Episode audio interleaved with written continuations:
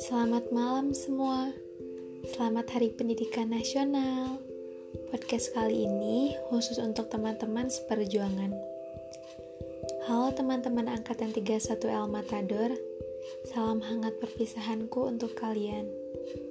Tepatnya hari ini kelulusan diumumkan. Gimana hasilnya? Memuaskan nggak? Hmm, gak kerasa ya, tiga tahun udah kita lewatin bareng-bareng dan sekarang saatnya kita melanjutkan untuk meraih cita-cita kita.